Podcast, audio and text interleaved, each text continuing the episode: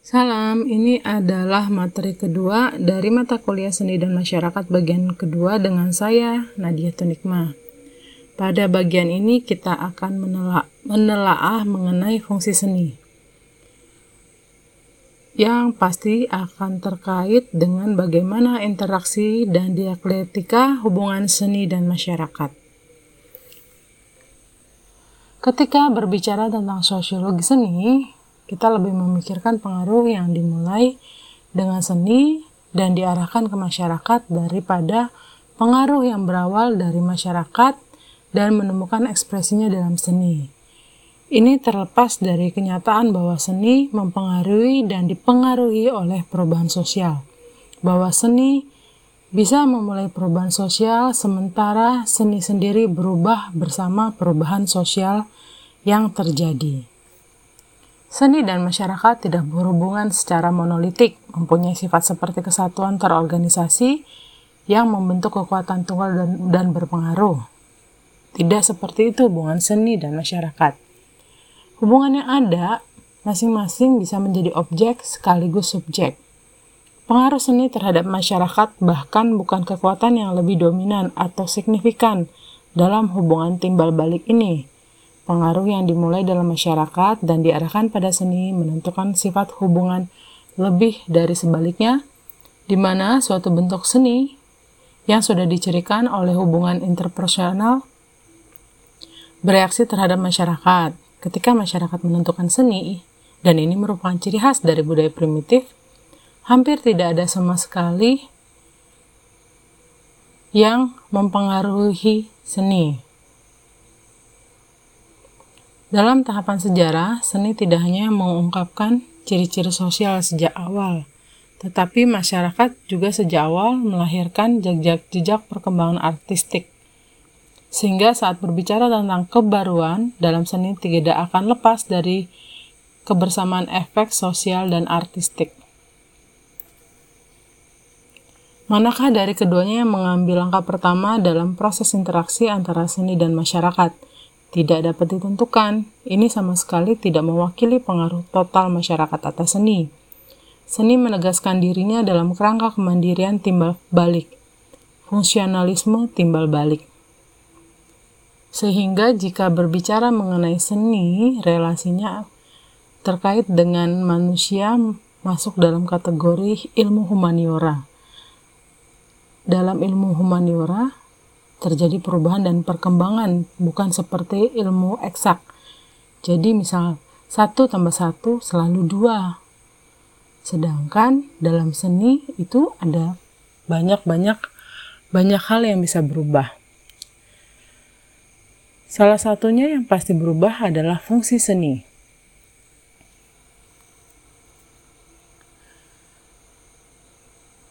Satu-satunya hal yang penting adalah bahwa setiap efek satu hal yang penting bahwa setiap efek dalam hubungan bereaksi dan terus-menerus mengubah penyebab dari mana hubungan itu muncul. Yang pasti dominasi makhluk sosial terungkap dalam kenyataan bahwa pertukaran itu berlangsung hanya selama tatanan sosial di mana kepentingan sosial dan artistik digabungkan secara terus-menerus. Kesinambungannya mungkin selaras dengan perubahan gaya. Perubahannya tak terelakkan mengarah ke awal artistik baru.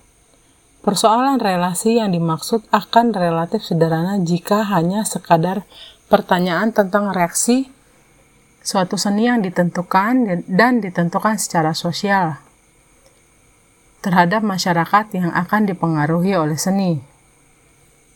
Seni dan masyarakat berada dalam keadaan saling bergantungan secara terus-menerus, yang menyebabkan dirinya seperti reaksi, reaksi berantai. Ini tidak hanya berarti bahwa mereka akan saling mempengaruhi masyarakat dimodifikasi oleh seni, dan bahwa seni dalam masyarakat tertentu menghadapi struktur yang mengandaikan banyak karakteristiknya, tetapi juga bahwa setiap perubahan dalam satu bidang terkait dengan itu. Intinya, relasi seni dan masyarakat itu timbal balik bisa berubah. Perubahannya tidak melulu bisa dipastikan, tapi pasti yang harus dipahami adalah situasi sosial berubah seniman sebagai makhluk sosial, individu yang yang pastinya makhluk sosial juga pasti ikut dalam perubahan yang terjadi di masyarakat dan tentu saja akhirnya mempengaruhi bagaimana seni-seni itu diciptakan. Saya akan menjelaskan mengenai fungsi seni yang saya ambil materinya dari buku Understanding Art dan Varieties of saya akan mengambil untuk pembahasan mengenai fungsi seni saya mengambil dari bukunya Feldman dan Understanding Art. Jadi dari Feldman menjelaskan bahwa gagasan bahwa seni memiliki fungsi, Feldman menjelaskan mengenai gagasan bahwa seni memiliki fungsi, bahwa seni bukan hanya hiasan. Pada awalnya ini dianggap se sebagai satu hal yang tidak masuk akal. Seni cenderung dipahami sebagai produk dari simbol dari kekayaan yang berlebih. Dan ini juga yang membuat seni menjadi elit, menjadi eksklusif, terkesan menjadi eksklusif. Akibatnya, seni sering kali dianggap tidak perlu tidak dibutuhkan untuk memenuhi kebutuhan dasar hidup. Namun, seni telah ada sepanjang sejarah manusia dan berkembang pesat hingga saat ini. Ini juga menjelaskan bahwa sebenarnya seni itu ada sejak manusia beraktivitas, sejak manusia ada. Dan tidak bisa dihilangkan begitu saja. Kita membutuhkan seni karena seni memenuhi kebutuhan pribadi dan sosial yang penting, yang vital. Seni rupa saat ini bisa dianggap Seni rupa saat ini menurut Feynman menjalankan fungsi yang sama dengan seni masa lalu. Seni terus memenuhi satu kebutuhan pribadi kita, manusia untuk ekspresi, dua kebutuhan sosial untuk komunikasi, tiga kebutuhan akan objek dan struktur yang berguna. Yang pertama, seni sebagai jenis ekspresi pribadi, seni tapi tapi seni tidak terbatas pada pengungkapan diri. Seni juga dapat menyampaikan sikap seniman tentang objek dan acara dan kegiatan dan aktivitas masyarakat. Emosi dan situasi dasar manusia seperti cinta, kematian, perayaan, penyakit, pandemi itu terus berulang karena di dalam siklus siklus kehidupan manusia pasti ada kelahiran dan kematian. Misalnya ada karya-karya kalau kalian melihat karya Ed Fortman yang menceritakan mengenai penyakit, lalu kita melihat bagaimana karya-karyanya yang bercerita tentang seni sebagai ekspresi diri adalah karya-karyanya Van Gogh yang bercerita tentang pergulutan dia dengan masalah uh, kesehatan mentalnya, itu bersifat pribadi. Ada karya-karya uh, Kate Colwitz yang menceritakan bagaimana kesedihan dia atas kematian anaknya. Bagi seniman, hampir semua karya seni dapat berfungsi sebagai ekspresi individu. Karya seni mungkin diciptakan untuk memperlihatkan gagasan, tapi mereka juga membantu memunculkan visi pribadi si seniman. Seni dalam fungsi terkait ekspresi pribadi seperti pengalaman pribadi yang biasanya terkait cinta dan kematian bahkan kondisi psikologi. Ini adalah fungsi pribadi dan meliputi keinginan untuk berbagi sudut pandang atau pengalaman Ekspresi diri mengemukakan pemikiran, terapi diri memberikan pengalaman menyenangkan atau pengalaman estetis untuk menghibur atau bahkan seni untuk seni. Lalu fungsi yang kedua, semua karya seni memiliki fungsi sosial karena diciptakan untuk disajikan.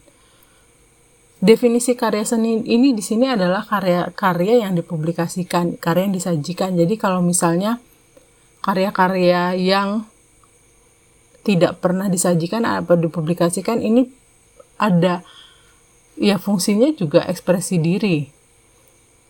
Fungsinya hanya sampai pada sebatas ekspresi diri. Lalu kalau kita berbicara karya yang disajikan, berarti sebenarnya ketika karya itu disajikan, walaupun karyanya bertema-tema pribadi, bertemakan pribadi, itu ada fungsi sosial di dalamnya. Seniman mungkin mengklaim, ini karyanya ekspresi diri, karya seni dibuat karena kebutuhan pribadi. Tapi sebenarnya ketika karya itu disajikan, karya itu dipamerkan, dia membutuhkan respon sosial atau apresiasi. Namun demikian sebenarnya makna fungsi sosial itu bisa sempit dan bisa luas.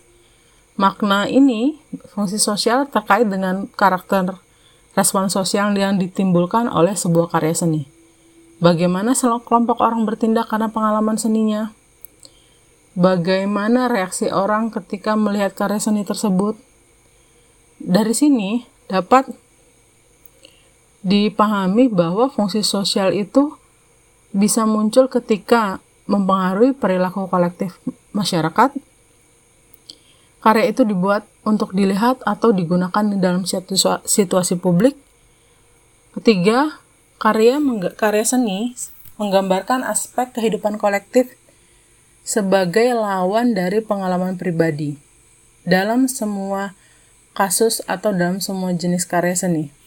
Penonton merespon dengan kesadaran bahwa mereka adalah bagian dari masyarakat dari yang ada. Banyak karya yang sengaja dibuat untuk mempengaruhi pemikiran kelompok tertentu atau memberi mengubah persepsi masyarakat misalnya terkait dengan agama, politik tertentu atau ekonomi atau juga karya yang diciptakan untuk mengedukasi, karya-karya dengan tema-tema edukasi atau juga untuk kebutuhan suku etnis tertentu atau untuk melihat situasi sosial masyarakat dengan cara baru. Seni rupa dapat berfungsi sebagai alat komunikasi dengan bentuk yang bermacam-macam bisa sebagai selebrasi, perayaan, kemarahan, protes, satir, sindiran.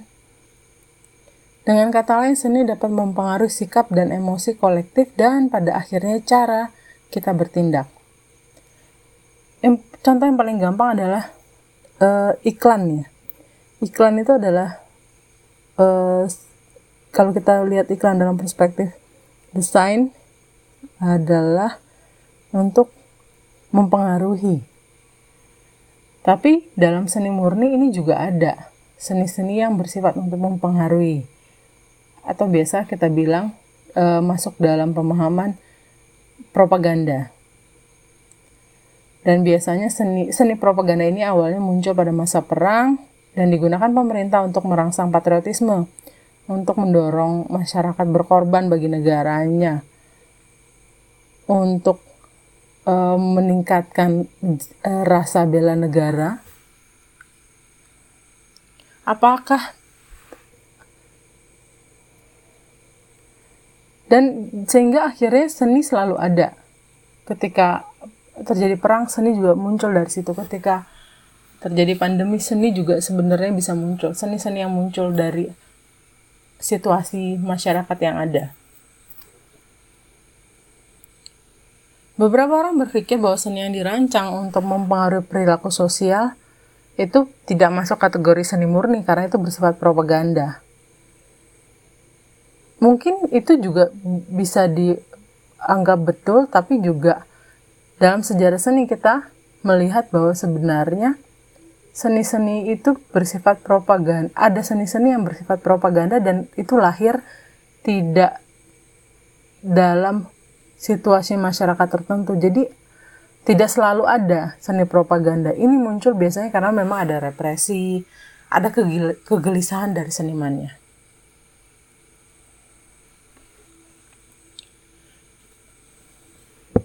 Fungsi sosial seni meliputi seni untuk kebutuhan politik, menggambarkan kondisi sosial, mendokumentasikan apa yang terjadi pada dunia, mendukung perubahan sosial, dan juga bahkan untuk kebutuhan komunitas.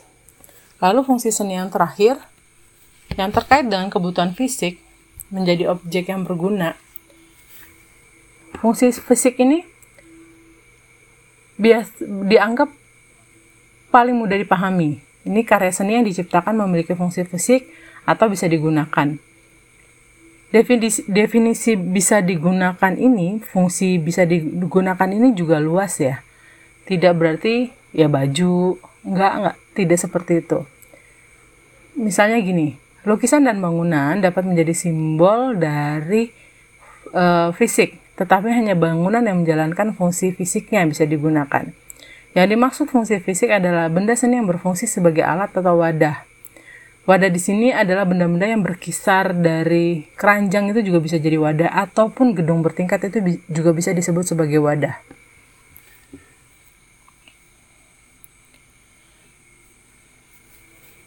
Jadi lalu ada fungsi fisik, ada wadahnya dan ada alatnya. Alatnya bisa berupa sendok makan, kecil, besar, kompleks, alat apa pun yang bisa digunakan. Keduanya harus dirancang untuk bekerja secara efisien. Dan akhirnya kalau kalau berbicara fungsi fisik yang pertama kali terpikir adalah arsitektur. Tapi juga fungsi fisik ini juga berubah. Dulu memang arsitektur karena pada awalnya arsitek masuk masuk dalam uh, seni seni arsitektur makanya kalau berbicara uh, sejarah seni ada ada Art Nouveau lalu ada Bauhaus itu tapi memang akhirnya bahwa uh, fungsi fisik ini sebenarnya untuk menjelaskan bahwa penampilan dan fungsi sangat erat kaitannya fungsi fisik ini memang akhirnya lebih condong ke wilayah desain tapi bukan berarti tidak ada karya-karya seni rupa murni yang tidak mempunyai fungsi fisik.